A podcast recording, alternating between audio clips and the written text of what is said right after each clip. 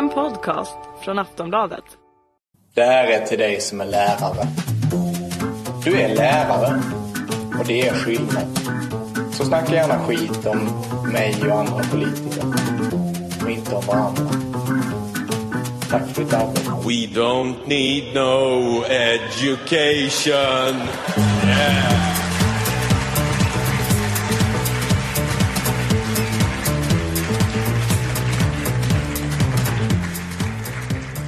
Välkomna gott folk till det 33 avsnittet av Flumskolan, världens mest folkbildande podcast från Aftonbladet Kultur och Galago. Idag har vi begett oss till självaste Borås kulturhus. Med oss ikväll har vi nämligen inga mindre än han är kåsör, författare och radiopratare med egna podden Snedtänkt samt svensk mästare i nostalgi. Det är Kalle Lind.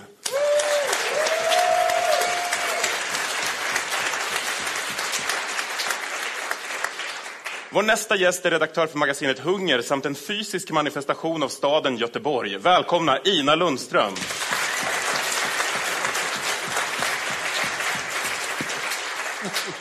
Han är komiker, enligt egen utsaga i magasinet Neo, så jävla light-höger samt en bisittare i precis alla poddar. Googla, jag rekommenderar samtliga. Ge en varm applåd till Jonathan Unge.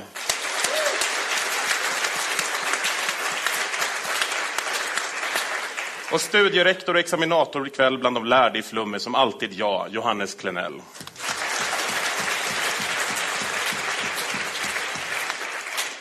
Vi går direkt på boken. Mitt liv som Bert innehåller en imponerande nivå av det som vi som doktorerat i flum brukar kalla full onkel håller passivt aggressivt alldeles för långt tal på bröllopet. Boken är utgiven på Berts eget förlag Heja Sverige. Andra storsäljare från Heja Sverige förlag är till exempel Kristi Bruds självbiografi. Vi kör igång med första citatet. Mitt liv som Bert har varit händelserikt hittills, minst sagt. Framför allt har jag varit med om att skapa musikhistoria och på vägen har jag träffat i stort sett alla som betytt något i branschen. Jag tror att min historia är intressant, för trots allt är jag en av de mest uppmärksammade personerna i Sverige. Aftonbladet sammanställde en slags topplista och där hamnade jag på fjärde plats. Att jag hamnar så högt beror nog på att jag alltid vågat säga saker och stå för dem. I den här boken har jag också utnyttjat min demokratiska rättighet att ha mina funderingar. Jag har utvecklat vad jag gillar och vad jag inte tycker om. Alltså, behöver han verkligen kommentera att han utnyttjar sin demokratiska rätt att skriva en rätt kass självbiografi på eget förlag? Jag behöver, behöver. Han gör ju det eh, onekligen. Han har ju väldigt, väldigt många åsikter och eh, han är ju gammal demokrat, gammal nydemokrat. Det är väl viktigt för honom att understryka. Min förhoppning är att den här boken ska ge dig både nytta och nöje. Gjorde den det? ja, nytta, ja. Vad säger du Ina? hur man definierar nytta. Ja, alltså det beror på hur man definierar nöje. Det, det är väldigt svårt för mig. Jag har inga koncentrationssvårigheter eller så, men det är väldigt mycket så här bara bokstäver som är staplade på varandra. Och det är liksom jättekorta anekdoter som samlas på en sida. Det finns ingen handling, vilket också gör det helt omöjligt att komma ihåg. Så nyttan kan ju vara som såna här buddhistiska munkar som liksom ritar tavlor och sen suddar ut dem. Lite den så här tålamodsprövningen kände jag. På det, lite lutherskt fostrande att läsa. Det var ju bra. Eh, jag har inte läst den, men jag, men jag tror att om jag så hade gjort så hade svaret varit ja. Du utövar din demokratiska rättighet att tycka det. Ja. Mm. Men jag gillar att det är lite, jag har så här lite pompöst att, alltså det är få andra författare tror jag som motiverat när de skriver en bok att de, eh, att de utnyttjar sin demokratiska rättighet att göra det. Alltså det Men man trodde inte att det skulle vara just Bert Karlsson som Nej. gjorde det. Winston Churchill. Ja. Man Det var tänker ju också när han skriver det så, så spänner han ju bågen lite grann för, för vad som komma skall. Ja, Ja. det är så. Men jag- så, så den, där, den där topplistan, var den alltså en topplista över de mest uppmärksammade personerna? För det, det känns som det kan vara vilken topplista som helst. Ja, han säger bara att det är någon Han bara att det är en sorts topplista. Han förklarar inte vad det är för en topplista. Han hamnar på fjärde plats på någon sorts topplista. Den som gillar korv mest. Alltså det är helt omöjligt att veta, för han säger ju inte det. Men vi utgår ifrån att det är en, viktiga människor i någon sån här. Mitt, vi går till Berts barndom. Mitt över bäckravinen tappade jag greppet eftersom det ovanför mig kanade ner och så föll jag flera meter ned och slog upp ett stort hål i huvudet mot en sten. Jag minns att när jag kom hem till pappa blev han förskräckt. Vi hade ingen bil på den tiden så han fick sätta mig på pakethållaren och cykla till läkaren. Egentligen är det ofattbart att jag klarade mig den gången men många anser att det nog var då jag blev lite konstig. Hur konstig upplever ni Bert Karlsson? Ja, det är vad man jämför med. Men jag tycker det är lite intressant den här historien. För visst är det så att ni i Flumskolan har läst Lennart Holmlund, sossepotentaten i Umeås Ja. eh, blogg, blo- blogg Blaj. Eh, han berättar ju också om, när, hans första minne är ju att han slår huvudet i en källartrappa. Det är en sorts tema. Jag, jag tror att eh, det var väldigt vanligt bland män födda på 40-talet att man ramlade på det här viset på huvudet när man var liten. Och jag tror att det som hände är att man fullständigt tappar den här inre rösten vi andra går runt med som säger till oss hela tiden, duger jag verkligen? Eh, är det jag håller på med bra nog? Duger jag? Är det verkligen okej för mig att springa runt på det här viset? Liksom? Som inte ser sig själv i spegeln och känner skam någonsin. Det är den grejen de, de här männen på 40-talet som blir tappade på huvudet tappar, tror jag. Så jag kan hålla med om det. Och jag, jag tycker också att det, det som är lite lustigt just med den här, för att under tiden som jag läste den så tänkte jag hela tiden. Du har ju inte läst den. Jo, men jag, okej, ja, precis. Men om jag hade läst den så hade jag, hade jag tänkt så här, när jag läste det citatet, att, ehm, att eh, alltså här, oj, det var då han blev lite konstig. Men som att Bert Karlsson känns som att hela tiden i de här, i de här kapitlerna kommer liksom kommer före läsaren i den poängen. Alltså det är så lite som att jag tappades på huvudet, ja det var då många trodde att jag blev konstig. Eh, eh, vad heter det? Eh, jag, jag fifflade med skatten, många tycker det är fel.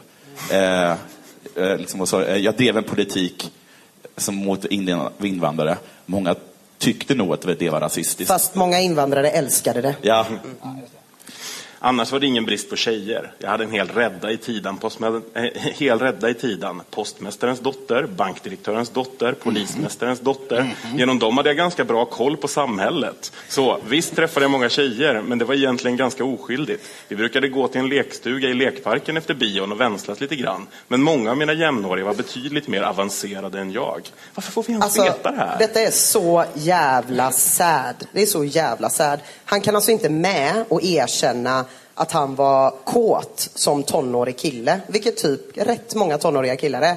Utan han bara, äh, men jag dejtade lite olika brudar, men det var bara för att nätverka alltså. Det var bara för att nätverka. Men det sjuka är att han verkar ju se alla tjejer han dejtat som samhällsvetenskapliga program. Ja men precis, precis. Det, alltså, han älskar ju att nätverka så mycket mer än att vänslas.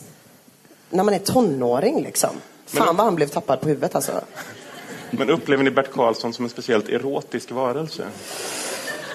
Det finns ju ett berömt citat som brukar tillskrivas Bert Karlsson att han under en presskonferens eh, lär ha sagt i mobiltelefon plötsligt Är du kåten? Är du blöten? Till, till någon då på andra sidan, oklart vem. Förhoppningsvis hans fru, eventuellt postmästarens dotter. Så att ja, nej, men han, han pratar ju gärna om, om, om, om, om eh, bröst. det är ju väldigt lite så Han har ju ett sånt. erotiskt intresse, det tror jag nog. Han har ju två barn va? Så att han har ju gjort det minst två gånger. Bevisligen. Ja. Men ledde det till några nya affärskontakter eller var det förgäves? Jag tror båda barnen har varit aktiva i Skara Sommarland. Och så. Ah, så okej, att de, de, de har kommit till användning. Ja, bra. men visst är Han lite my- spillde inte den säden förgäves. Jag kan tycka att det är lite mysigt på något sätt det där att man, att man gick hem med postmästarens dotter. Att någon, och någon, och någon sa det som legade för mig. Jag leg med krönikörens son. Eller något sånt liksom. Eller någon sa det om dig. Jag låg ju med kommunfullmäktiges pojke. Ja, just det. Häromdagen. Säger din fru Det kanske. tror jag aldrig hon har sagt. Inte har sagt det? Nej. Jag ska börja säga det. Ja, det Och är din fru glad över alla kontakter hon har fått? Där? Nej, hon har, det är inte vad jag vet. Hon har aldrig påpekat det. Bert får i alla fall ärva matbutiker av sina släktingar. Trots att det gick bra för oss levde jag ganska enkelt den här tiden. Det enda jag kostade på mig under den här perioden var att jag 1968 köpte en röd Ford Mustang med vit kabbe och skivspelare.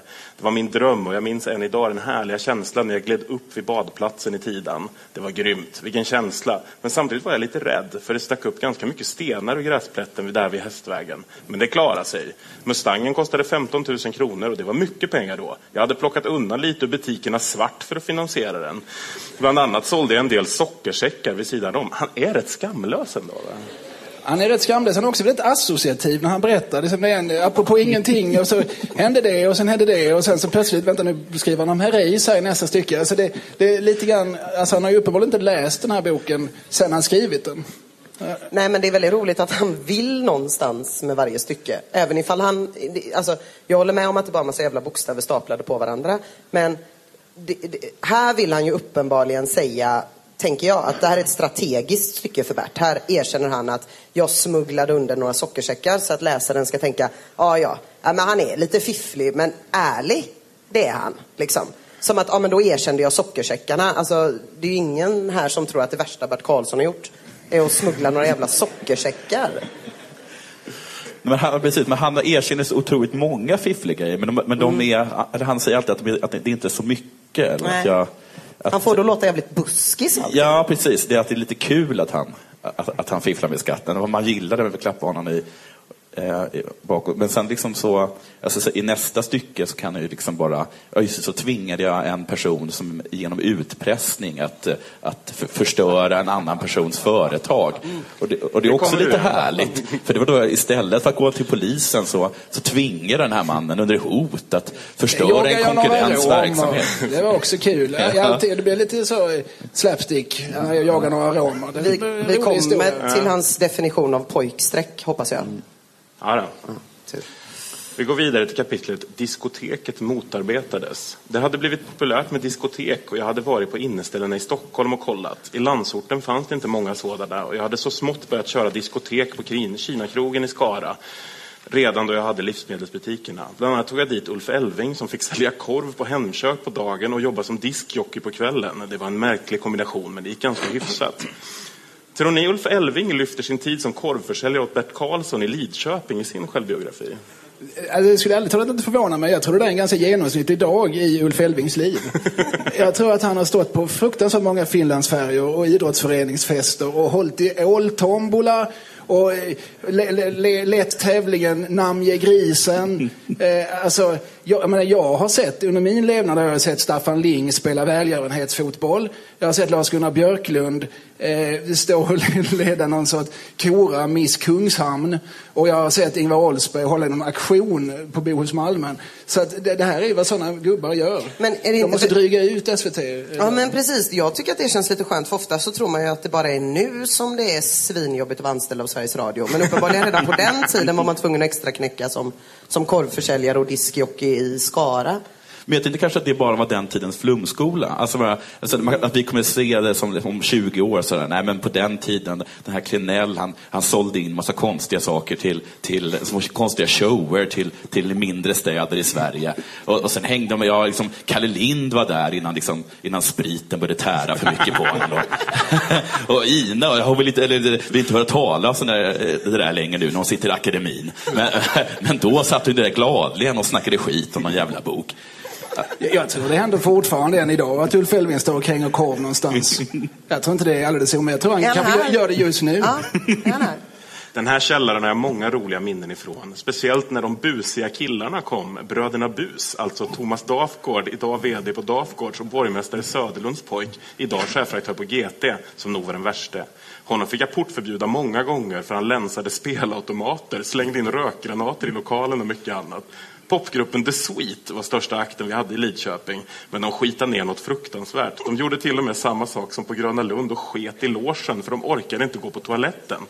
Alltså, vad är det för folk vi rör sig med egentligen? Alltså definitionen av bus här. Sitta och baja framför sina polare, Plundra kasta in granater. Plundra...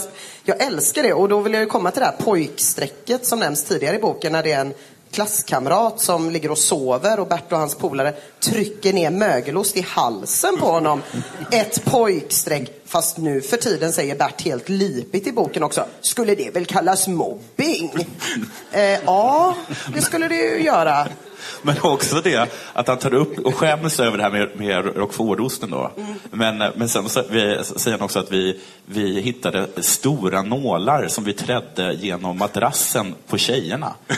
Så då måste, måste ha folk som små tjejer som har blivit spetsade på de här, för det måste ju ändå vara ganska tjocka nålar och de ska in liksom i den här madrassen. Men det får man väl inte göra i Sverige längre? Nej. Nej, idag ska kallas komma det väl lite- sexuella trakasserier. Ja, sjukt. Vi kan tänka att vi ska komma lite till Bert Karlssons humor. Vi ska lyssna här. Med... ja, men vi kan ta den här familjen som var på nudistläger. Och eh, lille pojken hade jätteproblem för de var olika stora, eh, de här snopparna och så. Och pappa hade ju svårt att förklara det här så han drog till med att ja, de små du vet, det är de fattiga. Och de stora, det är de rika.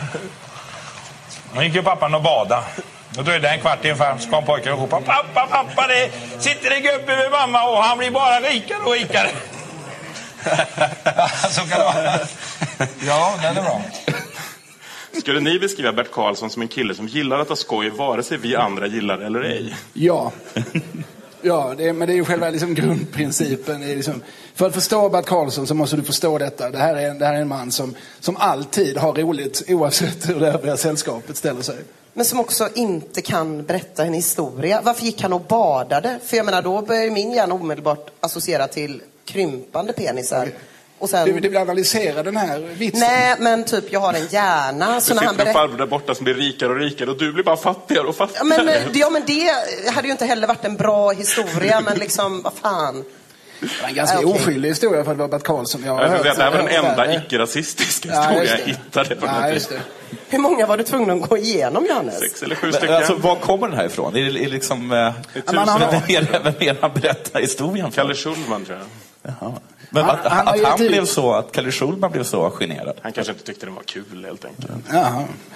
Eh, Bert Karlsson har ju inte bara gett ut den, den här boken, han har gett ut, jag har läst minst tre andra Bert Karlsson-böcker. Dels boken Skandal, dels en bok om svamp.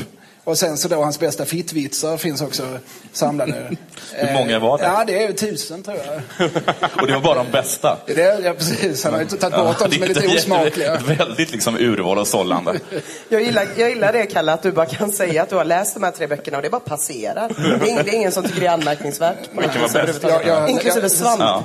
Jag- Vem är värst? Bert Karlsson som skriver dessa böcker eller Kalle Lind som läser dem? Ja, det är väl jag. jag här kom jag i kontakt, jag för första gången i kontakt med narkotika. För det visade sig att trubaduren var knarkare. Det visste jag inte från början, utan tyckte bara att han luktade så konstigt. Men knarket gjorde tydligen att han orkade spela hur länge som helst. Jag undrar rätt mycket över det här. Hur fan luktar den här trubaduren? Ja, alltså, det... Spela hur länge som helst, man tänker på schack liksom. Men, men jag är från Göteborg och, och det finns mycket amfetamin där och, och ing, oavsett hur fult och ryskt amfetaminet än må vara och hur mycket vissa individer trycker i sig så luktar man ju liksom inte. Man luktar inte och man röker inte så ofta heller. Nej. Nej, Va, det- Rökte han? Sa, sa de inte det? Att han rökte? Nej, jag Nej. tror bara det Han osade knark. Det osade han. Det var sånt där knarkos. Ja, men om, om det är knarkos, då måste det vara cannabis som talar om. Eller? Men det kan du inte spela hur Men länge han, Det- det är han det luktar opium. illa. Alltså, det, han, Han luktar han, han var illa. väl Han luktar uteliggare. illa. Det är ju knarkare. Det har man ju sett. En helt vanlig manisk haschpundare. Ja. Okej. Bert startar bingohall, något som tar oss till stycket en kronor under badkaret. En och annan krona gick förstås vid sidan om redovisningen och skatten, för det fanns ju ingen möjlighet att kontrollera hur mycket som kom in. Jag åkte runt och hällde hinkvis med enkronor i bagageluckan på min Pontiac. En del av vinsten åkte jag med till pappa i Tidan och gömde under badkaret i plastpåsar. Pappa tyckte det var jättebra att vi garderade oss, men det mesta var nog, tog jag nog ändå upp i deklarationen. Jag insåg nämligen tidigt att det är svårt att göra av med svarta pengar på något vettigt. Han köpte ju ändå en bil. Jo, men det var inte för svarta pengar. Men hur mycket? Jo, det var ju det han gjorde. Han, han sålde ju sina säckar för att köpa Ja, ja. sin bil. Det var, det var sockret där. Eh, Det här, det här stycket är ju väldigt typiskt för hela boken. Han har inte fifflat med skatten, men han har lagt undan lite. Han la undan några kronor, det vill säga säckvis med pengar. Han tycker det är jätteviktigt att göra rätt för sig och att se till att man har lite extra under badkaret. Alltså det är typ 70 negationer på fyra rader. Som redaktör blir jag liksom vansinnig. Jag vill bara slå någon. Det kan ju inte bara varit här du blev vansinnig. Nej, men det här stycket är väldigt talande för man kommer ur det här stycket och förstår ingenting. Eller jag gör inte det i alla fall. Men principen är hela tiden att Bert Karlsson har alltid rätt. Alltså om han eh, gör någonting olagligt så är det en det är lite kul. Det var, det var ett ro, roligt brott. Om han blir utsatt för ett brott så är det fruktansvärt. Och då, då, är, då är, har vi ett fallerande rättssamhälle som inte genast kör bort de här romerna. Eh, som, för, som ju ofta är de som utsätter honom. Han, han, är liksom, han är alltid liksom motarbetad av sosse-Sverige i, i, i allt han gör. Så att när han gör någonting som, som bryter mot reglerna så är det ett fuck you liksom mot, eh, mot alla så här, det här bestämmelser, det här eh, liksom förmyndarstaten och sådana saker. Och han har den här grejen när han startade ett disco, är det Linköping? Alltså, Lidköping. Lidköping. Det är inte så stor skillnad. Men är det, det, är, det är N och D. Eller hur? Ja, ja. Ja. Eller? Bandy och Jag, hockey. jag tror det är lite skillnad om du ska- Jo, dit. jo, men rent stavmässigt. Ja. Och vad heter det? Och där har han att han, så här, att, att han, det är alltid någon som att de ser till att han, att han är tvungen att ha toaletter till exempel. Eh, och, och, och, så- och sådana grejer. Och, det, och det, det är fruktansvärda omständigheter. Och det är bara sosse-Sverige som, som kommer och kommer med underliga regler hela tiden. Och sen så är det någon som dör i den här i, en kö. i det här, för det är inte någon som jobbar där. Ja, det är någon det, som är för, för just den ihjältrampad. kvällen råkar Bert Karlsson inte vara där. Hade han varit Nej. där, lite underförstått, att hade han ju räddat tösen. Ja, som blir ihjältrampad i, i, i, en, i en kö. Och det är fruktansvärt liksom. Men det- det- summan av kardemumman i det är bara liksom att myndigheterna påpekar att uppenbarligen så är det här en, bara en enda stor jävla svart klubb, så ni får inte vara här längre. Men, men då istället så är det sosse-Sverige som liksom använder det här som ett, som, som ett angreppssätt på honom för att stänga ner hans verksamhet. Liksom. Ja, för de hatar Ja, entreprenörer. för de hatar entreprenörer. Bert råkar ut för en anställd som försöker bedra honom, men han gillrar en fälla och fångar honom. Jag ställde ett ultimatum till killen. Antingen polisanmäler jag dig eller också söker du jobb hos Ulla Björkman i Skara. Lyckades han förstöra hennes satsning så lovade jag att han skulle få ta tillbaka jobbet hos mig. Det var förstås ett erbjudande han inte kunde tacka nej till. Ulla, Christer Björkmans mamma, var nämligen känd som roulettdrottningen i Borås. Och hon hade givetvis börjat med bingo. Nu tänkte hon öppna en bingohall i Skara och skulle bli en svår konkurrent. Vi kom därför överens med den här killen att han på ett snyggt sätt skulle köra slut på Ullas satsning i Skara. Han sökte jobbet som föreståndare och fick det såklart. Han skulle vara snål med kaffet och inte ge några extra poletter när tanterna växlade. Det gjorde att folk lämnade stället ganska snabbt för de tyckte att det var en snål bingo. Det tog honom bara ett par veckor att köra ner Ullas bingoverksamhet i Skara totalt och hon fattade ingenting. Bert kör verkligen med sin egen rättvisa där på Slätta. Va? Ja. Jag älskar den här anekdoten av så många skäl. Bland annat här att det är Christer Björkmans mamma. och att hon kallas för roulettdrottningen i Skara. I Borås. I Borås, förlåt. Men- Men det är också så här, hur gärna ville den här killen ha kvar sitt jobb hos Bert Karlsson? Hur bra arbetsgivare är Bert Karlsson? Hur gött är det att gå till jobbet? Uppenbarligen så gött att man kan tänka sig att typ köra ner en oskyldig människa hela dess verksamhet bara för att få en chans att få komma tillbaka och räkna poletter hos Bert Karlsson. Det gör att jag ifrågasätter sanningshalten i den här historien. Du tror att en kvinna som kallas roulettdrottningen i Borås är en oskyldig kvinna? Nej men han har, hade, hade hon gjort något rötet hade han ju skrivit det. Det är ju inte som att han har liksom, att, att, att han brukar sopa under mattan om det är någon som till exempel har typ tagit hans parkeringsplats eller eh, spelat in en bättre låt än vad han har gjort eller Men, så. men alltså, men för, för, för, ibland får jag känslan att han, han vill leva i ett rätt, rättlöst samhälle. För det, det, av det lilla som jag läste så, eh, så var det ändå på något sätt som att, eh, att folk kunde stjäla saker från honom. Detta kan vara liksom påhittat från hans sida, de har absolut inte gjort det. Men liksom att folk kan stjäla hans låtar eller bara, eller bara liksom ta hundratusentals kronor av honom. Ehm, och han går inte till polisen. Utan han bara liksom rycker på axlarna och hämnas lite. Det är ett tjuvnyp tillbaka. Ja, men jag är med på det. Jag, jag upplever också lite grann i det, genom hela boken att Skara blir så här Sveriges Compton. typ. Ja. Det- Eh, och det visste inte jag att det var så faktiskt. Men, men det är mycket sånt. Man golar inte i Berts. Nej. Nej. Nu startar Bert i alla fall Marianne och han kommer till kapitlet Skärandet. Jag har ingen aning om varför det heter så. Hela första perioden för Marianne byggde på samma princip. Coverinspelningar av gamla låtar med ett, med ett nytt sound. Jämför man så är det ingen större skillnad på vad som hände här och det som tidigare hänt i Nashville och sedan i Detroit. Även om jag inte visste det då. Vi skapade Skara-soundet enligt samma principer utan att vara medvetna om det. Alltså, nog för att Christer Sjögren är Karlstads Elvis. Men det är verkligen att spela in covers något som är helt unikt för Nashville och Skara. Ja, Soundmässigt är det ju ändå lite skillnad mellan, säg Johnny Cash och Jigs. Det, det får man väl säga. Men, men själva principen, vad han menar är väl att det är som ett litet ett litet bolag som, där det, där det liksom bara råkar, dit råkar dras en massa liksom, genier då. I, i Nashvilles fall, kanske inte så stora genier i Skaras fall. Men som liksom oberoende av de etablerade bolagen i Stockholm och så här skapar liksom sin grej. Det är väl där han gör kop kopplingen. Jag hoppas att han inte jämför min jojo eh, alltså med jigs, med Ring of Fire. Jag hoppas att han inte gör, drar kopplingen så långt. På Air Music träffade jag förresten George Martin som ju skapade Beatles sound. Jag har däremot aldrig spelat in en enda Beatles-låt för de har inte passat för det jag sysslar med. Visst, de är musikaliskt bra, men för komplicerade och inte direkt covervänliga. Va? Då funkade ABBA bättre. Hela dansbandsgenren handlar om att spela låtar som fungerar. De ska vara enkla utan att vara banala. Enkla utan att vara banala för oss till kapitlet Smurfarna gjorde succé. Klasse Möllberg träffade jag då han var kommun, kommunalkoordinator för sommaraktiviteterna i Grebbestad och höll i fotbollsturneringarna där. Efter det hade jag använt honom på våra guldfester för han var en entertainer som specialiserade sig på musikaliska jippon. Han var helt enkelt perfekt att ha som smurf. Smurfarna blev en riktig storsäljare, men sedan fick han nog, för han tyckte att han blev en smurf istället för Klasse Möllberg. Det fanns ju en artistisk risk med det naturligtvis. Så här i retrospekt, skulle ni säga att eh, Klasses anseende skulle ha skadats på att fortsätta vara smurf? Ja, alltså. Ja, gud ja. Då hade han ju bara fått liksom stå och sjunga framför barn i kostym hela livet. Ja, just det. Det kan ju inte Klasse Möllberg tänka sig. Behöva stå och spöka ut sig. Framför kids. Stå och Nej, det var låtar. skönt att han gjorde sig av med det oket alltså. Ja, och satsa på sin seriösa karriär Ja. som fotbollskoordinator. Eller vad var det han var? Han var, fotbolls, han var kommunalkoordinator för Han var kommunalkoordinator för fotbollsmatcherna i Grebbestad. Ja. Eh, Som svar på din fråga, jag tror, inte, jag tror att Klasse Möllberg hade varit exakt lika respekterad om han fortsatte göra småflåtar. Bland barn som älskar utklädda män.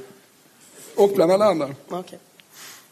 Vi går vidare till kapitlet Guldåren och här ligger stycket Biskopen negativ till Herreys.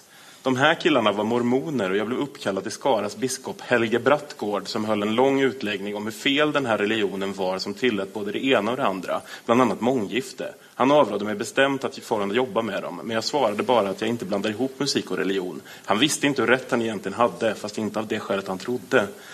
Jonathan Unge, Ja. du har en släkting som är biskop. Är det Ja. vanligt där att skivbolagsdirektörer kallas upp till biskopen eller lever Bert Karlsson världens konstigaste liv? Så var det i Sosse-Sverige. Gudskelov har, har Bert och Ian knäckt den ryggen. Segern överraskade oss allihop. Nu har Herreys vunnit Melodifestivalen. Herreys var nog det sämsta sångmässigt sett som har vunnit Melodifestivalen. Speciellt när de sjöng om låten var det inte roligt. Men låten var bra och de gjorde dessutom ett starkt scenframträdande. Alltså, tycker Bert egentligen att någon artist han gett ut är speciellt bra? Jag, jag tror han älskar alla artister, men här handlar det igen om hans sätt att skriva på. Alltså mängden män i den här boken. Och då är det inte de typ 7000 namngivna männen, utan alltså ordet män. Det förekommer så jävla ofta så det är helt omöjligt att veta vad han menar. Låten var bra, men den var dålig. Jag betalar skatt, men det gjorde jag ju inte. Det var socker, men det var knark. men jag hatar invandrare, men jag känner en som är rätt lugn. Alltså, det är, så, det är helt omöjligt att veta vad han menar. Men varför gör han det? Varför gör han så hela För han gör verkligen det, du har rätt i det, han gör det hela, hela, hela tiden. Han hyllar något och, eh, och, och säger att det är piss. Och, Antar... Det är väl hans bild av ärlighet, antar jag. Eller är det bara... Han säger ju alltid vad han tycker. Ja, ja. Och, och så säger han allt han tycker. Men ofta tycker man ju någonting är både bra och Ja, dåligt. ja. Han säger allt han tycker. Ja. Ett annat, ett annat berättartekniskt knep han ägnar sig åt är att han berättar vad han ska berätta innan han berättar det. Nu ska jag dra en riktigt rolig historia, men den har ett sorgligt slut. Sen kommer det en rolig historia med ett sorgligt slut. Inte så rolig historia. Nej, och inte, så och sorgligt inte slut. så sorgligt slut. Så man blir alltid lite underraskad. Men han presenterar alltid väldigt tydligt vad hans intention är. Okej. Liksom. Enda överraskning är en ständig besvi- liten, liten besvikelse. Ja, en najande. Ja. Ja. The Pinks lanserar jag däremot i ett mycket udda sammanhang. Vid den här tiden var det nämligen fult att driva företag.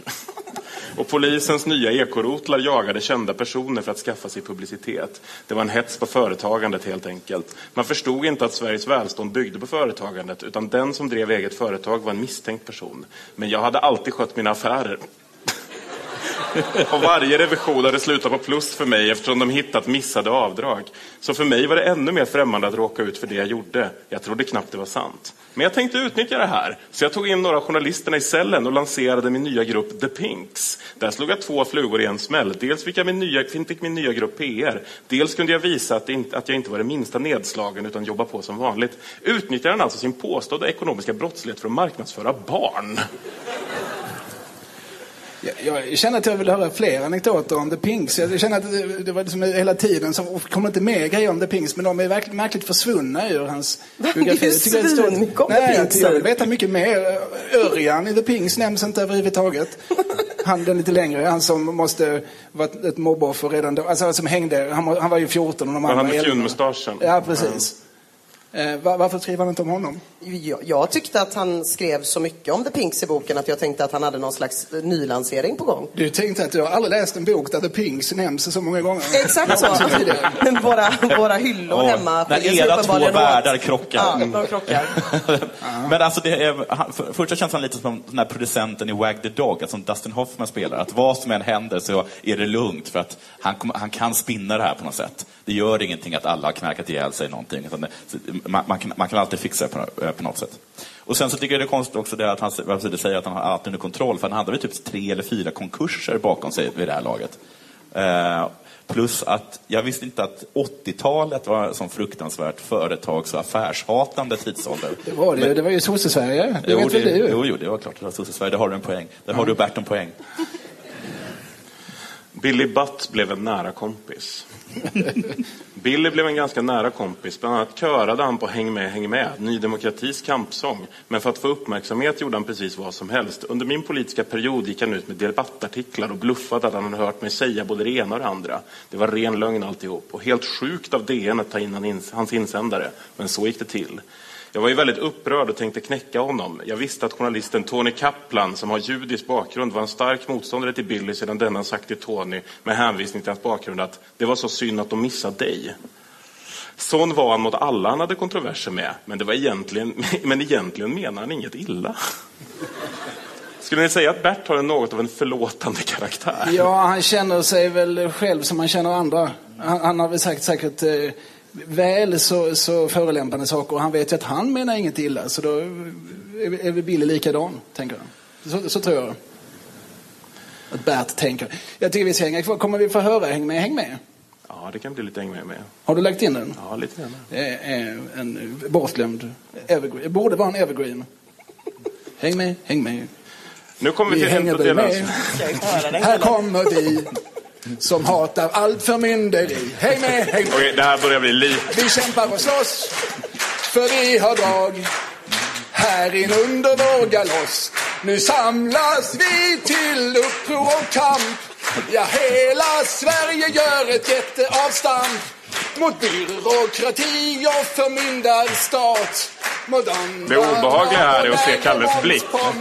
Häng med, häng med. Ja, förlåt. Jag är... Jag är lite grann som en Pavlovsk hund. Nämn häng med, häng med så måste den sjungas. Jag ber om ursäkt för detta. Det är en Jag betingad skulle reflex. inte vilja kasta in dig på en vit maktfest. Nej. Eh, inte jag heller. Kommer vi komma till våldtäktsanklagelserna? Ja, vi kommer till det nu. För För nästa stycke i den här texten heter Borde åkt fast för bedrägeri men inte våldtäkt. Jag var alltså riktigt glad just när han åkte dit för den där våldtäktshistorien men efteråt tycker jag att det var fruktansvärt. De här tjejerna vi- var ju sådana som till varje pris vill bli något och gör vad som helst. Men han åkte dit för våldtäkt. Det sägs ju att han har en så liten pitt att han på sin höjd skulle kunna åka dit för irritation men inte mer. Inte vet jag om det är sant, men inte var det våldtäkt. Alltså var det här någonstans, ni liksom, jag börjar komma ihåg varför Bert Karlsson är en jävla idiot. Jag, jag inser att det finns jättemycket som är upprörande med den här historien och jag vill inte låta som en kallhjärtad idiot här. Men ordet pitt, det är det som alltså stör mig. Det är så jävla vidrigt. För det är sådär ålderdomligt och grovt på samma gång. Så de enda som använder ordet pitt är liksom snuskiga gubbar som är 70 plus. Det är verkligen svenskans äckligaste jävla ord. Ja, pitt är äckligt. Pitt är- jag ger dig det. Det är mycket som är äckligt. Jag vill inte på Ja, är något det det sätt... vi ska diskutera, vad som är nej, äckligt? nej, det är jätteäckligt har att han hävdar att kvinnor inte kan bli våldtagna om de vill bli kända och sånt. Men jag vill ändå bara säga det här om Pitt. Det är ett konstigt sammanhang att dra den här förolämpningen om Billy Butt just när man ska liksom försvara honom för någonting otäckt. Jag ska bara dra det. Det finns ett roligt skämt om honom som är väldigt, väldigt förolämpande. Jag bara drar det i förbifarten. Eh, lite konstigt. Billy, eh, Billy Butt han dömdes ju för våldtäkt och det står ju i domen att ett av skälen till att rätten förutsatte att han var skyldig det var att han såg så jävlig ut. Det står ju mer eller mindre uttryckligen.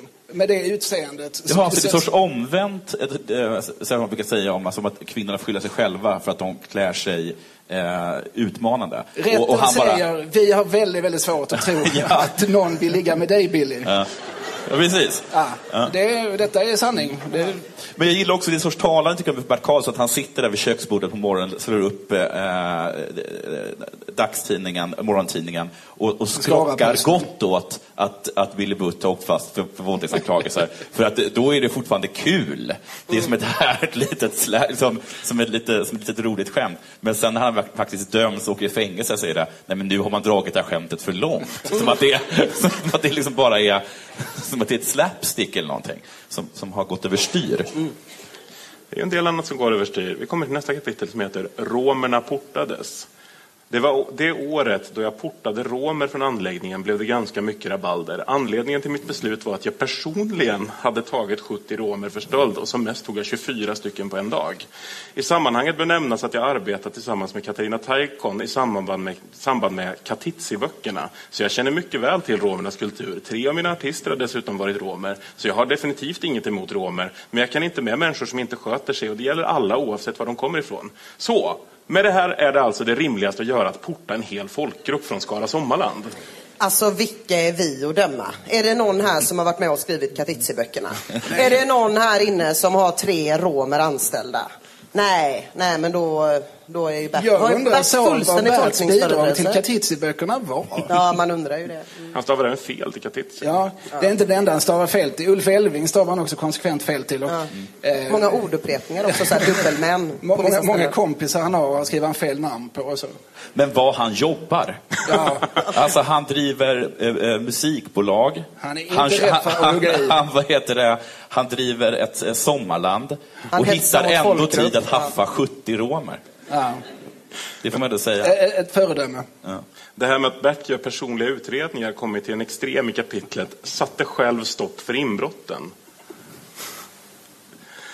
En historia som däremot aldrig omnämns i media eftersom jag inte berättade om den var hur jag stoppade ett ungdomsgäng som gjorde upprepade inbrott på Sommarland. Efter, eftersom jag misstänkte att det var ungdomar från samhället Axvall helt nära Sommarland började jag infiltrera ungdomsgängen där.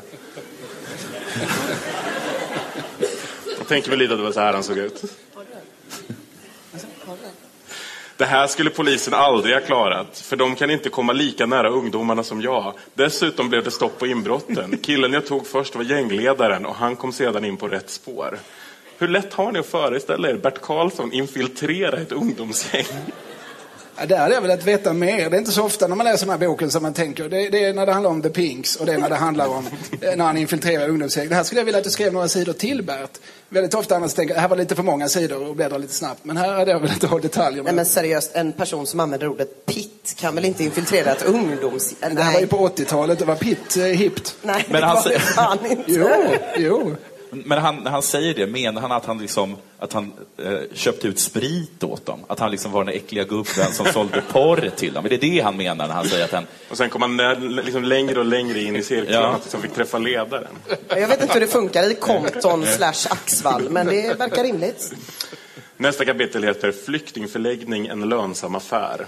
Och här så ska han då berätta vilken schysst kille han är, för att de vill lägga ner hans flyktingförläggning. Och då skriver han, en familj jobbade hos oss på Malibu och några turkbulgarer jobbade i parken och som ersättning fick de ta hand om alla tomburkar. De hade samlat nästan 50 000 kronor som de sedan åkte hem och köpte en restaurang för. Var Bert alltså så bussig att han lät det här gänget jobba för tomburkar på Skara Sommarland? Ja, de fick eh, monopol på tomburkarna. Ni har, alla tomburkar här är ni- era. Det är bara att samla ihop dem. Alltså jag litar inte heller jättemycket på Berts förmåga att liksom se hur, hur andra människor omkring honom mår. För på sidan efter den här anekdoten, vet jag inte om ni noterade. Antyder att Bert Karlsson inte är psykologutbildad. Ja, på sidan efter så är det ett kort på när han har förklarat hur mycket de här eh, turkbulgarerna älskar honom när de får plocka hans burkar. Så är det ett kort på Bert Karlsson eh, bland ett gäng flyktingbarn och han ler in i kameran. Det har det här. Och, och, och barnet gråter uppenbarligen och vill därifrån. Det här är alltså på sidan efter. Eh, och, och då tänker jag att hans förmåga att se andra människors behov är något begränsad. Du menar att Bert ser lite gladare ut än barnen? Ha- Han är inte en sån person som liksom känner in alla i rummet nödvändigtvis. Nej, nej så, så tror jag. Det är faktiskt en helt fantastisk bild. För att det är, det, alla andra är, är liksom, håller på gråter eller liksom processar det är liksom krigstrauma eller bara traumat att sitta bredvid Bert Karlsson. Som de, alltså just nu. Han är superglad. Jag ska tatuera in den bilden på ryggen. Ja. Vi går till kapitlet Drag under galoscherna. Häng med, häng med. Häng med, häng med.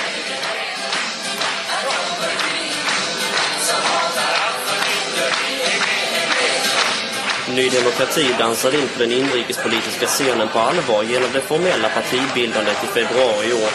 Ett borgerligt parti till höger om Moderaterna formulerade sina ambitioner.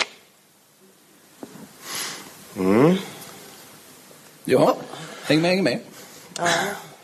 Och då skriver han, visst har jag haft åsikter och därför har jag varit tacksam för tidningar och medier överhuvudtaget. Jag ser mig själv som en medelsvensson som uttrycker saker och vågar stå för dem. Så att starta ett parti var främmande för mig som något kan bli. Jag har aldrig gillat att sitta i långa möten och det är det politiker gör istället för att uträtta något. Alltså, han är ju trots allt en miljonär som driver nöjesparker och flyktingförläggningar. Hur mycket av en medelsvensson är han egentligen? Jo, men han är väl kanske det i sina åsikter och sitt sätt att vara. Vad han vill säga är att han är ju inte förfinad. Han är ju inte en sån som Pierre Schori som byter kostym varje dag, utan han byter inte kalsonger ens varje dag. Han är ju den sortens vanlig, vanligt folk.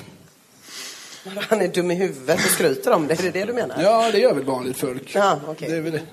Ian var en fantastisk organisatör och utan det hade det aldrig gått. Problemet var bara att han hade en förmåga att hitta en massa idioter. Jag kan dock påstå att alla idioter som kom in i Ny Demokrati, de hade Ian på ett, hittat eller fått tag på på olika sätt. På något sätt älskar han den här typen av människor. Pratar han om sig själv här? Vi tog ut ett antal kandidater var, så det var väl egentligen ganska bra fördelat. Men han tog med väldigt många konstiga personer. Ser alltså Bert fördelningen 50% idioter i ett parti som en bra fördelning?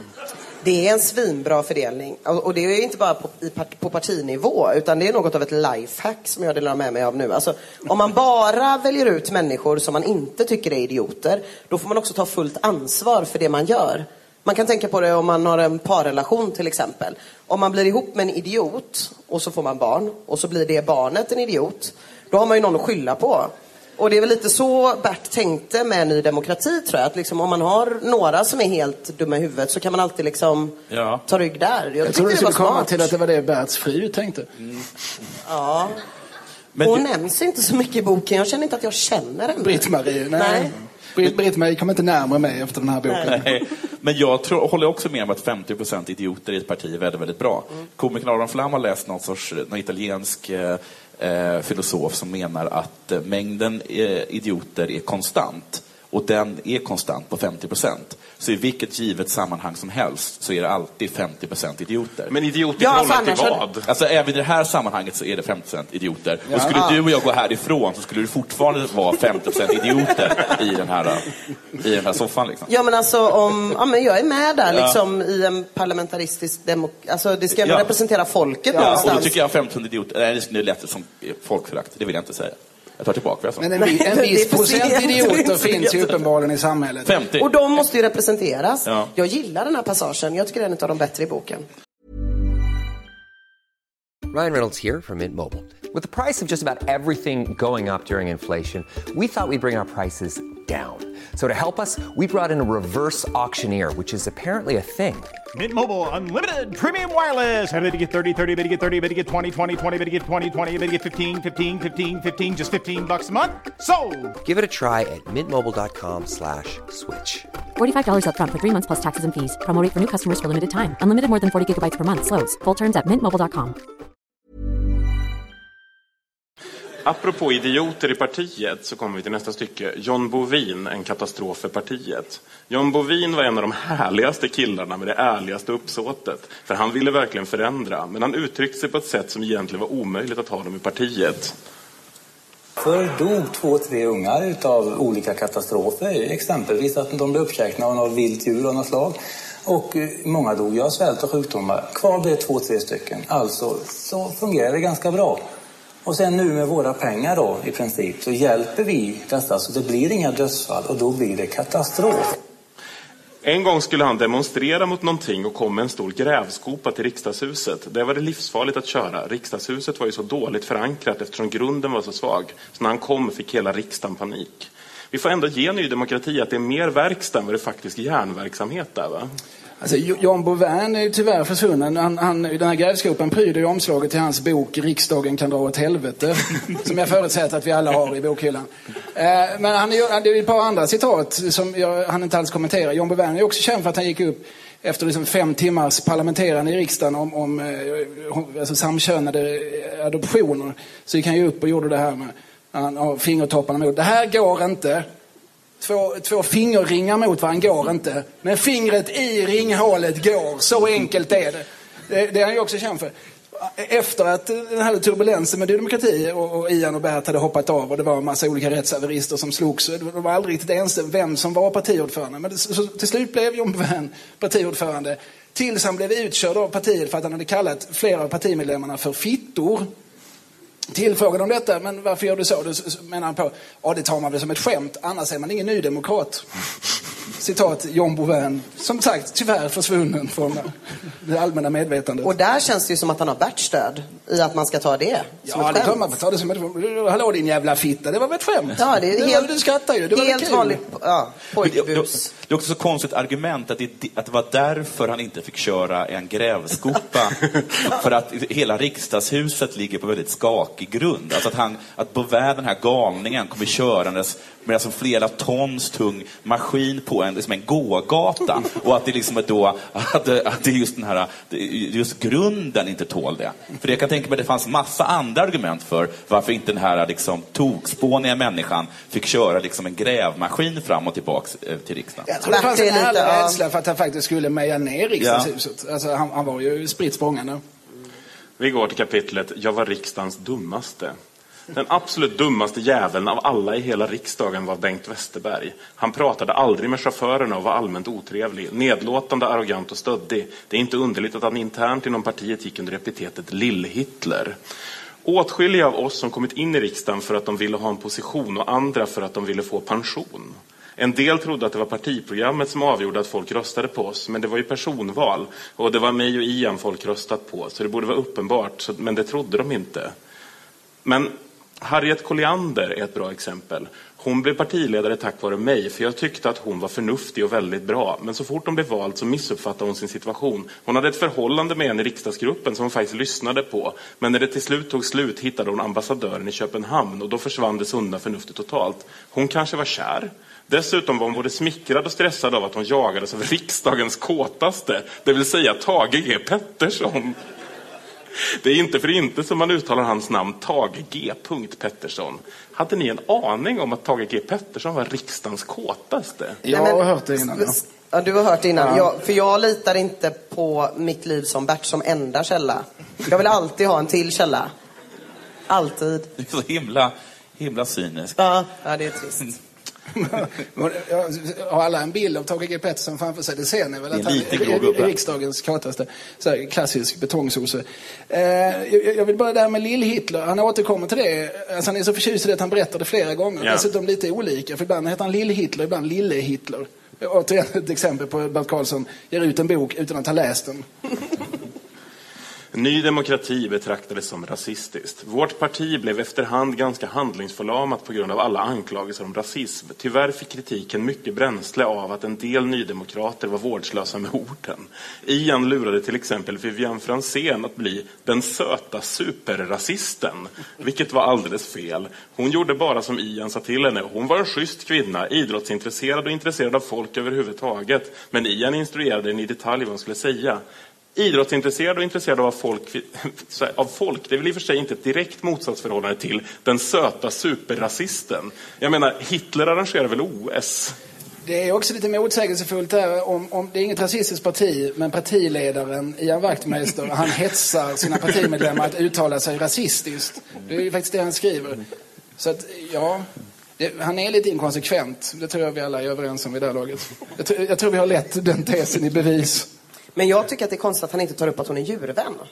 För det brukar man alltid säga om rasister. Så det är lite konstigt. De är ofta det. Men det vet vi inte om hon är. Nej, men Vivian det- Franzén kanske hatar djur. Nej, nej. Hon kanske går runt på stan och, och liksom hugger i katter Jag har tillräckligt många källor på att rasister älskar djur. Den står jag fast vid. Ja. Ultima Thule, om rasister. Ja. en inte helt lyckad satsning. En grupp som jag uppmärksammat eftersom det pratades mycket om dem ute på skolorna var Ultima Thule. Jag undrar vilka de var och tog kontakt med dem. Det visade sig att de hade spelat in flera skivor på eget bolag men inte lyckats få ut dem. Själv betecknar jag dem egentligen som en variant av Eddie Meduza men det fanns tolkningar av deras texter som klassade dem som nazister fast det förnekar de. För att förvissa mig om att det inte var några problem förknippade med dem kontaktade jag Socialdemokraternas expert och talesman på området, Anders Karlberg på Fryshuset. Han försäkrade mig om att de var rumsrena och att de utgjorde en viktig länk i arbetet med att nå de ungdomar som drog åt nynazistiska hållet. Grönt ljus från experterna alltså.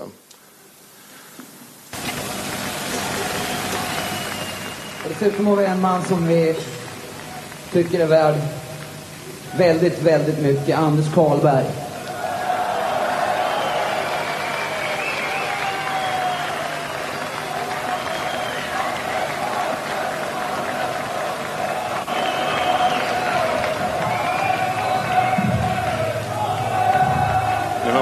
Ett gäng ungdomar i bomberjacka med kända Sverige. Ja, grabbar. Det är härligt att ni identifierar mig med Sverige. Det är skönt att höra. Anders Karlberg hör alltså ett antal skinnhuven i bomberjacka känta Sverige och tror att de menar honom. Hur kraftig förnekelse lider den här karln av egentligen?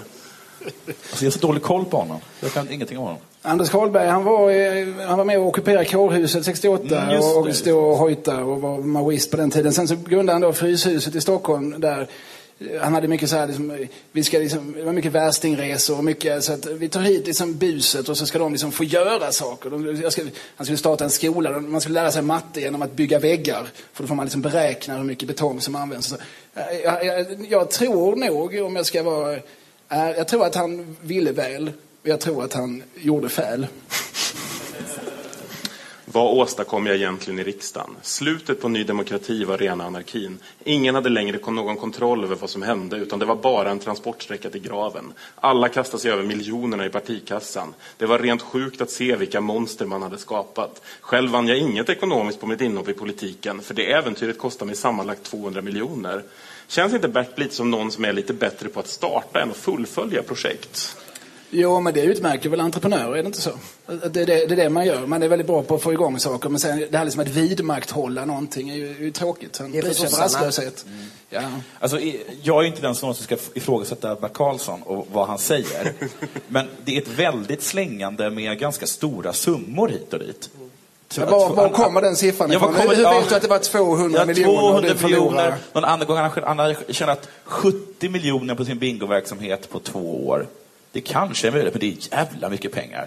Och någon gång så har han fått en check på 7 miljoner och då har han räknat ut att i dagens värde hade det varit, vad var det, 50 miljoner eller något sånt där. Också när han i samma mening kallar några kronor och säckvis med pengar för Ja. samma summa. Ja, precis. Så blir man ju lite, ja men jag håller Det med. finns liksom, det, ja, det, det, jag, jag tror bara att han drar till med summor. Jag tror, Ja, särskilt när det är summor som man faktiskt inte fått. Så, Nej. summor som man, och hade jag bara satsat på den hästen, hade jag bara signat Flamingo-kvintetten, då hade jag tjänat 43 miljoner. Ja. Var kommer den siffran Ja, ifrån. men han säger också några gånger att, att eh, de försökte sätta dit honom för att eh, men han hade, hans revisorer eh, var så bra för att det, det, varenda gång som revisorerna kom och kollade någonting så hittade de fler avdrag.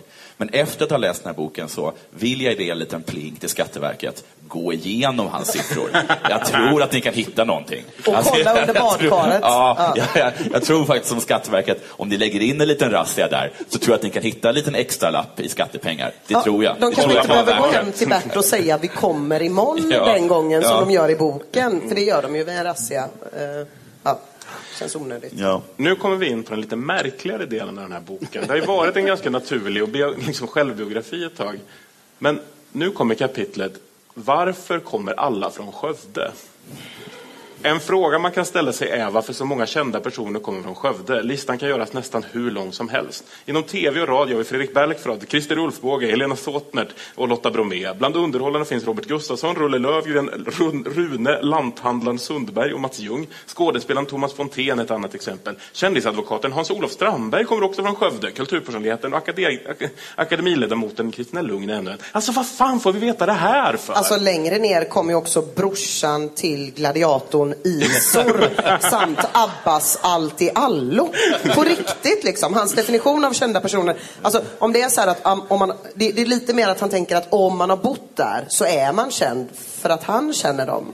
Men Jag kan rabbla upp sjukt många för mig kända människor till. i Majorna. Till exempel. Rulle Lövgren, det, han var ju med i Jubel i busken med Sten-Åke Cederhök och Ja, men Sonja du vet vilka de är. Ja, ja, det förutsatte jag att det var Jo, du har ju läst knowledge. alla de här människornas böcker, inklusive. Abbas allt i allos bok. Men vi andra Gör- Görel Hansen, jo jag har faktiskt läst en bok om henne också faktiskt. Det står ganska mycket om henne i Stickan Anderssons memoarer som jag har läst. Men bara som en svar på frågan varför alla som är kända kommer från Skövde, så är det väl det någon sorts kombination med en arv och miljö. Men du, du godtar premisserna? Ja, ja, men om man godtar Ja, premissen, ja, du så låter det som Men det det mest... går ju att hitta några kändisar som inte är från Skövde också. Jo, Nelson men Mandela. Då, ja, men då typ utgår Bill Clinton. Ja, då avviker du från premissen. Om man bara ska svara på premissen, vilket jag tror det var din fråga, så tror jag, och det håller jag fast vid, att det är en kombination mellan arv och miljö. Bert kommer inte fram till det. Han Nej. kommer inte fram till någonting. Men Bert ställer bara frågor. Nu går vi in i slutspurten av boken, trots att det är runt 60 sidor kvar. Eh, för nu går han in på det han kallar topplistan. Det här mår jag bra av. Det är 60 sidor. Men Men han, han faktiskt har inte haft en redaktör alls. Första plats. Familjen. Att hålla ihop är viktigt, även om det är tufft ibland. Skiljer man sig tappar man något viktigt i livet. Många säger sig vara glada som frånskilda, men ofta är de ensammare än man tror. Plats två. Ingvar Kamprad. Kamprad är en person som också fått utstå negativa artiklar om sina påstådda nazistsympatier. Men i så fall skulle vi kunna anklaga många, bland annat kungahuset och stora delar av den svenska eliten som sympatiserade med och hjälpte tyskarna under kriget. Kamprad stod rak i det här och talade om att visst kunde han haft sådana sympatier då, men det var inget som han hade idag. Jag vill veta hur han valde mellan familjen och Kamprad på första respektive andra plats. Liksom. Satt han, var Kamprad någonsin på ettan? Och så kände han, nej, nej, nu gled han ner till tvåan. Han sa något rötet, gjorde en dålig billig serie. Nu gled han ner till tvåan.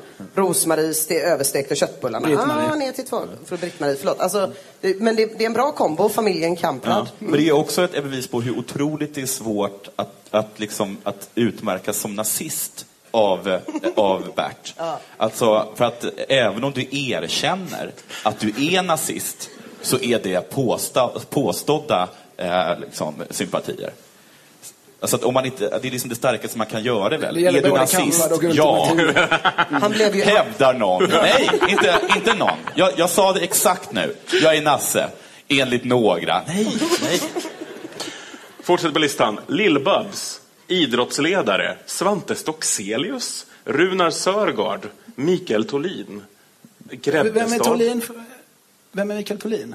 Ett namn jag inte Tholin. känner Ja, igen. men det är han eh, som har varit folkpartist Stoppa pressarna. Han som varit folkpartist. och sen Ja, blev han är vänsterpartist idag. Men vi är fortfarande Bert har en, en ganska målande beskrivning av honom i boken, men Ah, okej. jag orkar inte citera den faktiskt. nej, vi- För den är hyfsat rasistisk hela vägen. Eh, Grebbestad, Turkiet, Grebbestad. Förlåt, nej. Janne Josefsson och andra hjältar. Jan- Turkiet, hela. Ja, allt. Som helhet. Allt som har med Turkiet att göra. Janne Nej, men det är så kul att, att, att, eh, att han listar Janne Josefsson och andra hjältar. Lyssna. Ska- Här får ni en motivering Nämn också. ett namn till. Janne Josefsson är självklart på min topplista. Han är en orädd journalist som fortsätter att ställa de rätta frågorna och kollar upp sanningen i i det hans intervjuobjekt säger. Han är en som vågar ta fram sanningen. Det gäller överhuvudtaget hela redaktionen på Uppdrag granskning och andra program av den typen. Även Jan Guillou och Robert Aschberg är tuffa i vissa sammanhang. En annan hjälte är Britt-Marie Citron i Motala som höll på att bli utfryst i samhället bara för att de berättade sanningen om hur Sölve Konradsson och hans kollegor skodde sig. Vad fan är det här? Jo, men det var också en sån här eh, liksom, skandal som avslöjades. Eh, ja, okej, Janne Josefsson och andra hjältar. Men, och Turkiet, det är liksom allt som har med Turkiet att göra. Det är vindolmar, det är folkmord, allt som har med... KG Hammar. Folkets park. Tyvärr har ingen försvarat Folkets park när nedlingarna kom. Men varken Per Nuder eller häxan själv, Laila Freivalds, är sådana som skulle kunna ses i Folkets park och naturligt smälta in där. Jan Stenbeck. Han är en föregångare för allt vad gäller fri tv och gick igenom hela tiden i bräschen på ett vågat sätt fortsatt, har fortsatt utvecklat media. Stenbeck hade kontroll på alla nivåer. Han avskedade bland annat en programchef som lyckades få en av våra mest etablerade artister som älskarinna efter att Stenbeck själv fått nobben. Är det här ett styrketecken? USA. Ett konstigt skäl att sätta någon på en topplista. Han, han var notoriskt svartsjuk. Han ska upp på min lista. Ja, men han kan ju inte ens hålla sig från männen, alltså inte könet utan, utan ordet, i sin topp och bottenlista. Det är liksom, han är så jävla bra men han är helt dum i huvudet. Men, mm, mm. Toppenkille. Kina. Kina. Reagan och Gorbatjov. Clinton och Svennis. Och han säger Bill, att både Reagan och Clinton är de bästa presidenterna Ja. USA någonsin har haft. Bill Clinton är den bästa president vi haft i världen. Han klarade till och med av sexskandalen med samma kyla som Svennis. Är lätt och balanserat. Det påminner om hur man tränade golfstjärnan Tiger Woods. Pappan störde honom hela tiden när han skulle putta och sedan kunde ingen knäcka honom. Alltså vad fan är det här? Nästa på plats, Ulf Dahlsten. Peter Gide. Entreprenörer och uppfinnare. Gudrun Schyman. Lennart Hyland. Björn Borg. Radio City. Den här boken är skriven saker han gillar. 2006. Alltså det kom som en chock för mig Ja, när jag jag tror kollade. att den är så mycket, mycket äldre. Man tror att det är 80-tal. Liksom. Eller hur? 2006 är det härifrån. Svamp. Det var stort då. Men ja. det känns som att han bara har, så här, har eh, bestämt för att han ska skriva den här eh, listan och sen liksom bara tittat sig runt eh, i rummet. Öl, Svamp, gillar, Kina, en, en karta. Kina. Salvatore Grimaldi och Refat El Sayed. Var de där? Billy Butt. Per Ledin, hockeyforwarden Per Ledin, en kille jag inte upptäckte förrän han började dyka upp i slutspelet och skapade en Ledin-känsla. Anders Gerdin, Jan Scherman, ABBA, Kungahuset, Gyllene Tider, Allsång, Lasse Åberg, Alexandra Charles, Göran Persson. Redan när jag satt i riksdagen var jag imponerad av Göran Persson. I slutet av min riksdagsperiod höll jag faktiskt med honom. Han är en helt otrolig debattteknik och det fanns, fanns substans i det han säger. Det bästa med honom är att, är att han fört en borgerlig politik utan att någon egentligen fattat det. Gillar Bert bara politiker som blåser folk? Han är oerhört italiensk, tycker jag, Bert Karlsson. Får säga det? Att Han han är oerhört italiensk. Alltså, han hade passat som handen i handsken i Berlusconis Italien. Det här är liksom det där, vad heter det, furbo, eller vad det heter. Att man hela tiden ska ha liksom en, en, en räv bakom örat. Och, liksom att alla, och när han har, liksom har lurat någon så får han applåder för att han liksom har dragit ner byxorna på någon. För det är, liksom, det är, en, det är liksom killen som kommer undan. Killen som har småslantar i, i, i stora hinkar som han springer bort med. Det är, liksom hela, att man, det, är liksom, det är det man som gillar. försöker Liksom. kväva sina kompisar med gorgonzola. Som inte kväva sina kompisar och kommer undan. Ja. Det, att liksom, det är verkligen en, en, en sån härlig skurk. Frälsningsarmén, Junilistan, Bengt-Åke Gustafsson, Sverige, bögar. Genom åren har jag jobbat tillsammans med en mängd bögar. De är vanliga i artistbranschen och speciellt i Melodifestivalen. De är ärliga människor som verkligen gillar slager och vågar stå för det. Även om bögar är fåfänga och skvallrar om varandra så är de ofta väldigt snälla personer. De lyckas alltid skapa en positiv stämning och jag uppskattar dem verkligen. På en bögfest har man alltid roligt. Han är liksom Alltså för- det här är liksom så här nordiskt familjelexikon från 1932. Men han är ju fördomsfri och fördomsfull på samma gång, är inte det? Ja, men han är ju, som vi pratade om innan, exakt som den här personen man hamnar bredvid på bröllopsfesten. Exakt som den här rötna jävla Ja. morbrorn till någon. som sitter bredvid en och är fördomsfull Ja. och fördomsfri. Och man bara sitter och väntar och väntar. Det enda som inte förekommer, för han säger allt det som den personen brukar säga, men han säger inte någonstans att eh, vegetarianer, vad är det? Äter du kaninmat då? Eller? Det förekommer inte i boken. Och han försökte inte heller ta mig på brösten. Men annars var det exakt som en sån, som en sån middag. Precis, för han är en sån person som, som absolut inte är antisemit, utan han älskar att judar är snåla och kontrollerar världen. Liksom. Och han, han, han älskar dem för det. Liksom. Ja, och han har flera judiska vänner. Flera judiska vänner och de är exakt så. Liksom, jag har ingenting mot svarta. Det är, de är så härliga när de dansar. Alltså, det, är, det är så, så Det är hela exakt tiden. så, ja. Vi går till bottenlistan. Bo Dockered, Mikael Bindefeld, Mats Olsson. Tågvärdar. Jag mår illa när jag möter SJ-personal, nästan alltid kvinnor, som inte förstått att SJ är utsatt för konkurrens och verkar i ett samhälle på 2000-talet. TV-laget. Kärnkraftstopp. Man mår illa av att lyssna på kärnkraftsmotståndarna. Man hänvisar till en 30-40 år gammal omröstning där folk vis- visade att man inte klarar av det här med att rösta. Till skillnad från att rösta på Ny Demokrati då, eller? Mm-hmm. Mm-hmm. Gunnar Blombeck. Gunnar Blombeck, IFK Skövde, är samma typ av idrottsledare som ishockeycoachen Viktor Tishonov. En typ som man trodde försvann med kommunismen. Han jagar hela tiden spelarna och skäller ut dem för minsta lilla misstag. Är det här verkligen vad man tänker på när man tänker på kommunismen? Ja, de sprang efter folk och de klagade över minsta lilla misstag. Och varför berättar han om en, liksom en jävla ishockeycoach från Skövde? Ja, det är återigen den liksom konstiga blandningen. Alltså Kina där och någon tränare i något blåbärsserielag där. Alltså det finns ingen, det finns ingen linje Men han är, han är lite mer koncis på bottenlistan va? Än på topplistan. Kommunister och nynazister. Gillar någon, någon får kalla sig kommunist i Sveriges riksdag tycker jag är helt ofattbart. När man aldrig överhuvudtaget får kalla sig nazist i något sammanhang utan att bli totalt utfryst. Fast Bert kärlek får man. Den får man. Han, han är en, eh, en eh, rättvisestickler, det får man ändå hålla med om att han är. Skandia. När ett företag i Japan går dåligt och det är kris, då leder det till att direktören tar sitt ansvar och i många fall tar han livet av sig. Kan någon ha mage att lyfta sin bonus och sedan stå och se folk i ögonen och säga att nu måste ni hålla igen era löner? Alltså varför kan han inte ha den rösten i sig som vi andra har som säger åt oss, duger det här när vi säger någonting eller skriver någonting? Om man skriver en bok och skriver någonting om japaner, kan man inte titta på den meningen och bara fan, är det här bra eller? Man kanske kan fråga någon Ja. om man känner det då. Men du Kalle, kolla jag har skrivit här att det är så här i Japan. Kan man inte liksom... Det är konstigt nog det som jag, jag reagerar mer mest på att han absolut liksom inte har liksom läst igenom den här boken en enda gång sedan han skrev den. Det är alldeles i början så berättar han att han älskar, när han var liten så älskade han att bada.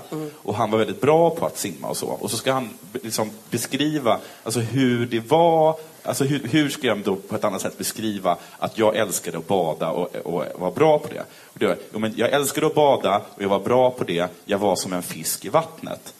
Vil, vilket inte, det är exakt det. Alltså det, är som att, det, det, är som att, det är som att alla talesätt är bara, är bara liksom precisa. Alltså, en, lägg inte liksom, det där är väl att lägga grädde på moset. Och då är det för att någon har lagt grädde på moset. Det är lite som st- stora synonymordboken. Ja, precis. Facket.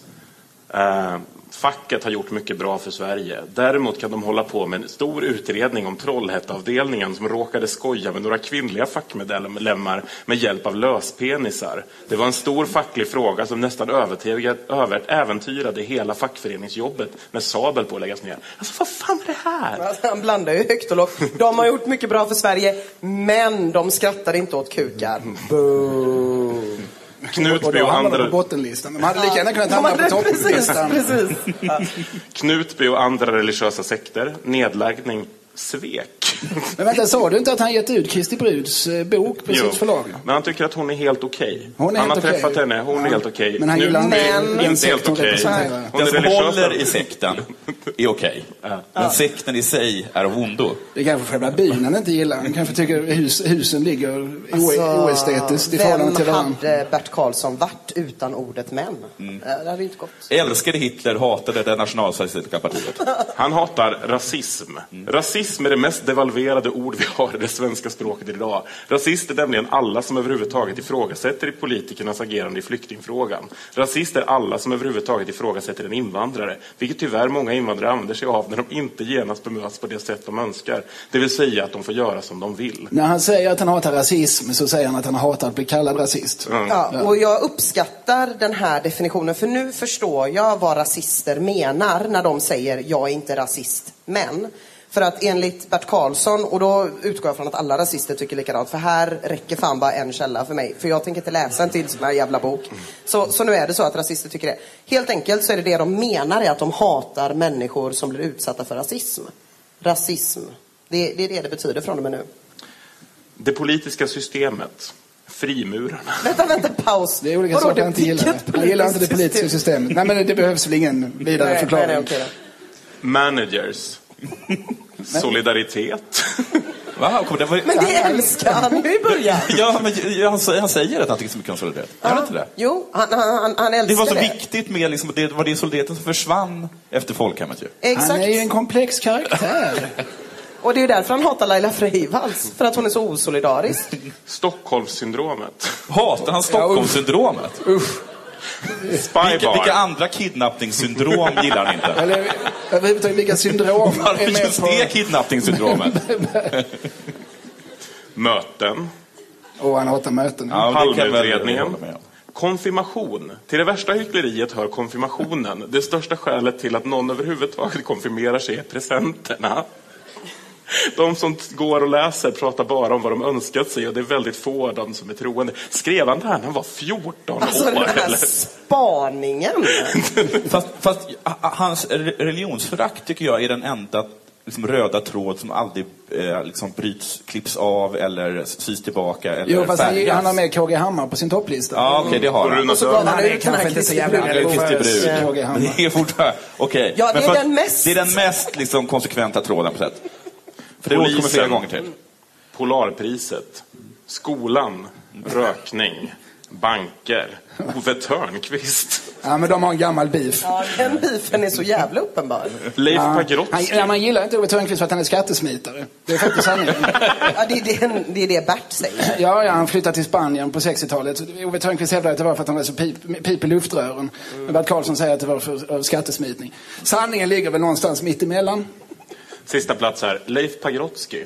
Leif Pagrotsky är säkert trevlig privat, men i utövandet av sitt ämbete är han katastrof. Däremot dyker han upp i alla möjliga andra sammanhang där han kan hamna i rampljuset. Stand-up-komikerna brukar driva med honom och säga att han ställt upp som projektil i grenen kast med liten dvärg för många gånger. Och det är därför han har blivit knäpp. Jonathan Unge, Ja. gör ni det? Ja, ja. Det är så här när man känner att det börjar... Äh, jag, jag, jag håller på att dö här på scen. Då kastar man in det skämtet som en liten räddningsplanka. Publiken älskar Det det. funkar varje gång. Spaningar hittills. Pagrotsky, kort. Konfirmation gör man för presenterna. Jag Bert gillar inte folk som vill ha saker. Men du får bara kort återgå till, eh, till Ove Thörnqvist där. För att, Ja, såklart. Ja, för att... eh, han, Ove Thörnqvist påstår att han, har, att han har stuckit till Spanien för att han har dåliga luftrör. Ja. Bert menar att det är på grund av, av skatteskäl. Och är det då så att liksom Bert egentligen, vilket jag kommer att säga, att han hatar oärlighet? Att man, att det, är det, det är därför han, inte, han hamnar på den, för att han är oärlig. Hade han sagt jag drog från sosse-Sverige så hade han älskat honom. Det är som att Bert inte klarar av människor som inte är Jo, totalt för- ärliga. Och vilket vill säga är att man säger allt man tycker, hur motstridigt det än är. I, I motiveringen till Ove Thörnqvist så säger han att det finns flera skattesmitare som man gillar för att de har Ja. varit ärliga. Ja. Jag, jag tror det finns en personlig historia om någon, eh, någon skiva som Bert ville ge ut och som Ove ville ha betalt för. Hur det nu var. Det var någon sån historia. Vi racear mot slutet. Uteliggare, klassamhället, demokrati, miljöbilar och idrottsrörelsen. Är det här med på hans bottenlista? Ja. jag, tänk, jag tänker lite så här, varför ens skriva mer bok än så här när han summerar och gärna repeterar allt han känner i de här två kapitlen? Mm. Ja.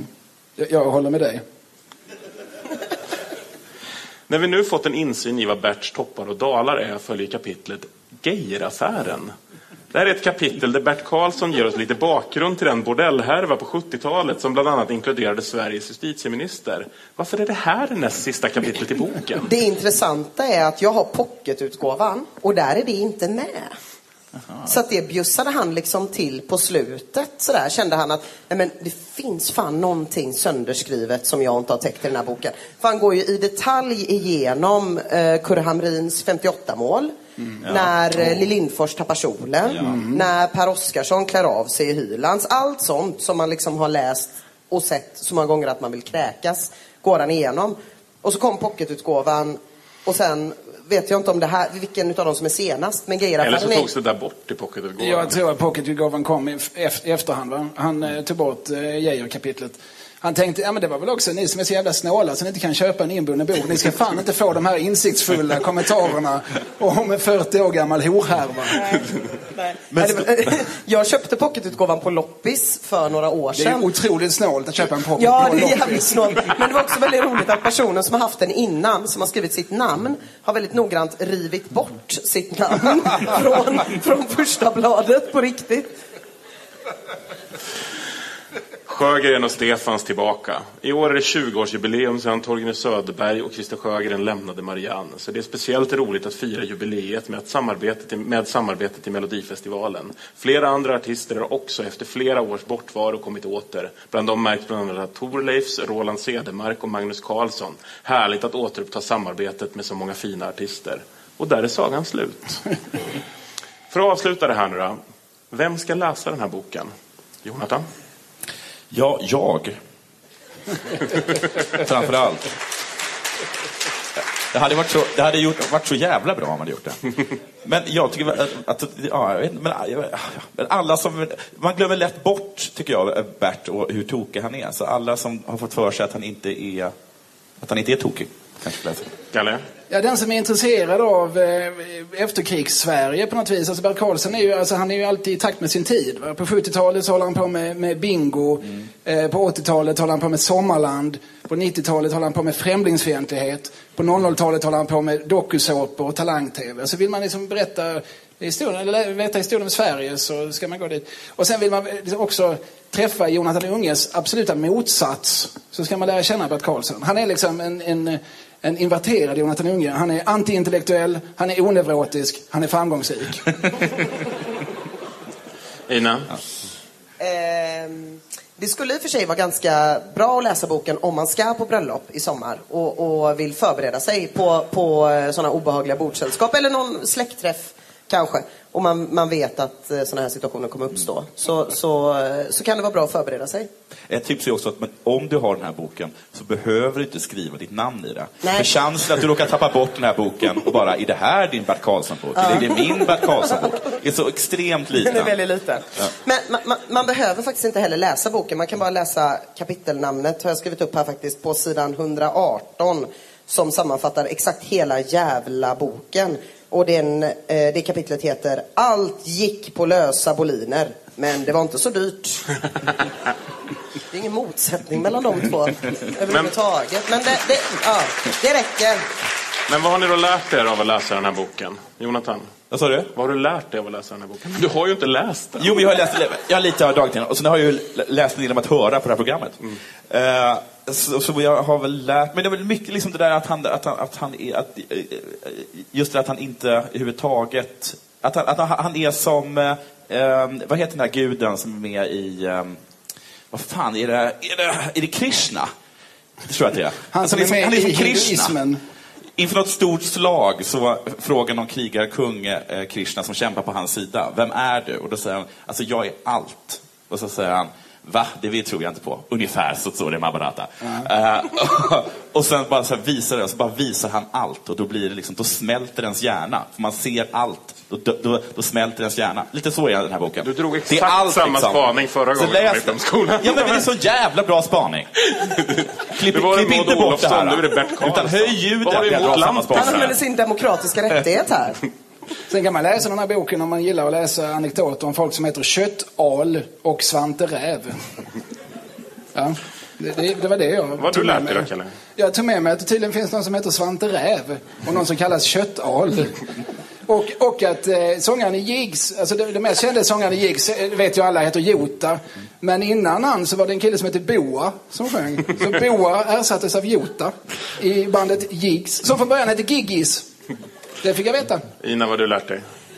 Eh, värdet av en god redaktör. Eh, och att Bert Karlsson mår sjukt jävla bra. Mår lite bättre än han förtjänar.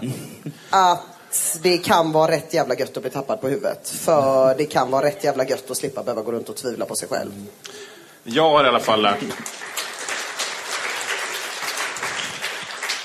Jag har i alla fall lärt mig vad ståuppare brukar säga om Pagrotsky. Att The Sweet brukade bajsa i omklädningsrummet. Och att Klasse Möllberg en gång var i riskzonen att förvandlas till en smurf.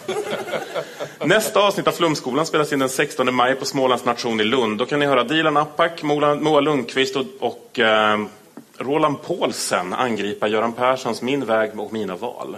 Med de orden ber jag ge Kalle Lind, Ina Lundström och Jonathan Unge en varm applåd. Flumskolan är slut för idag.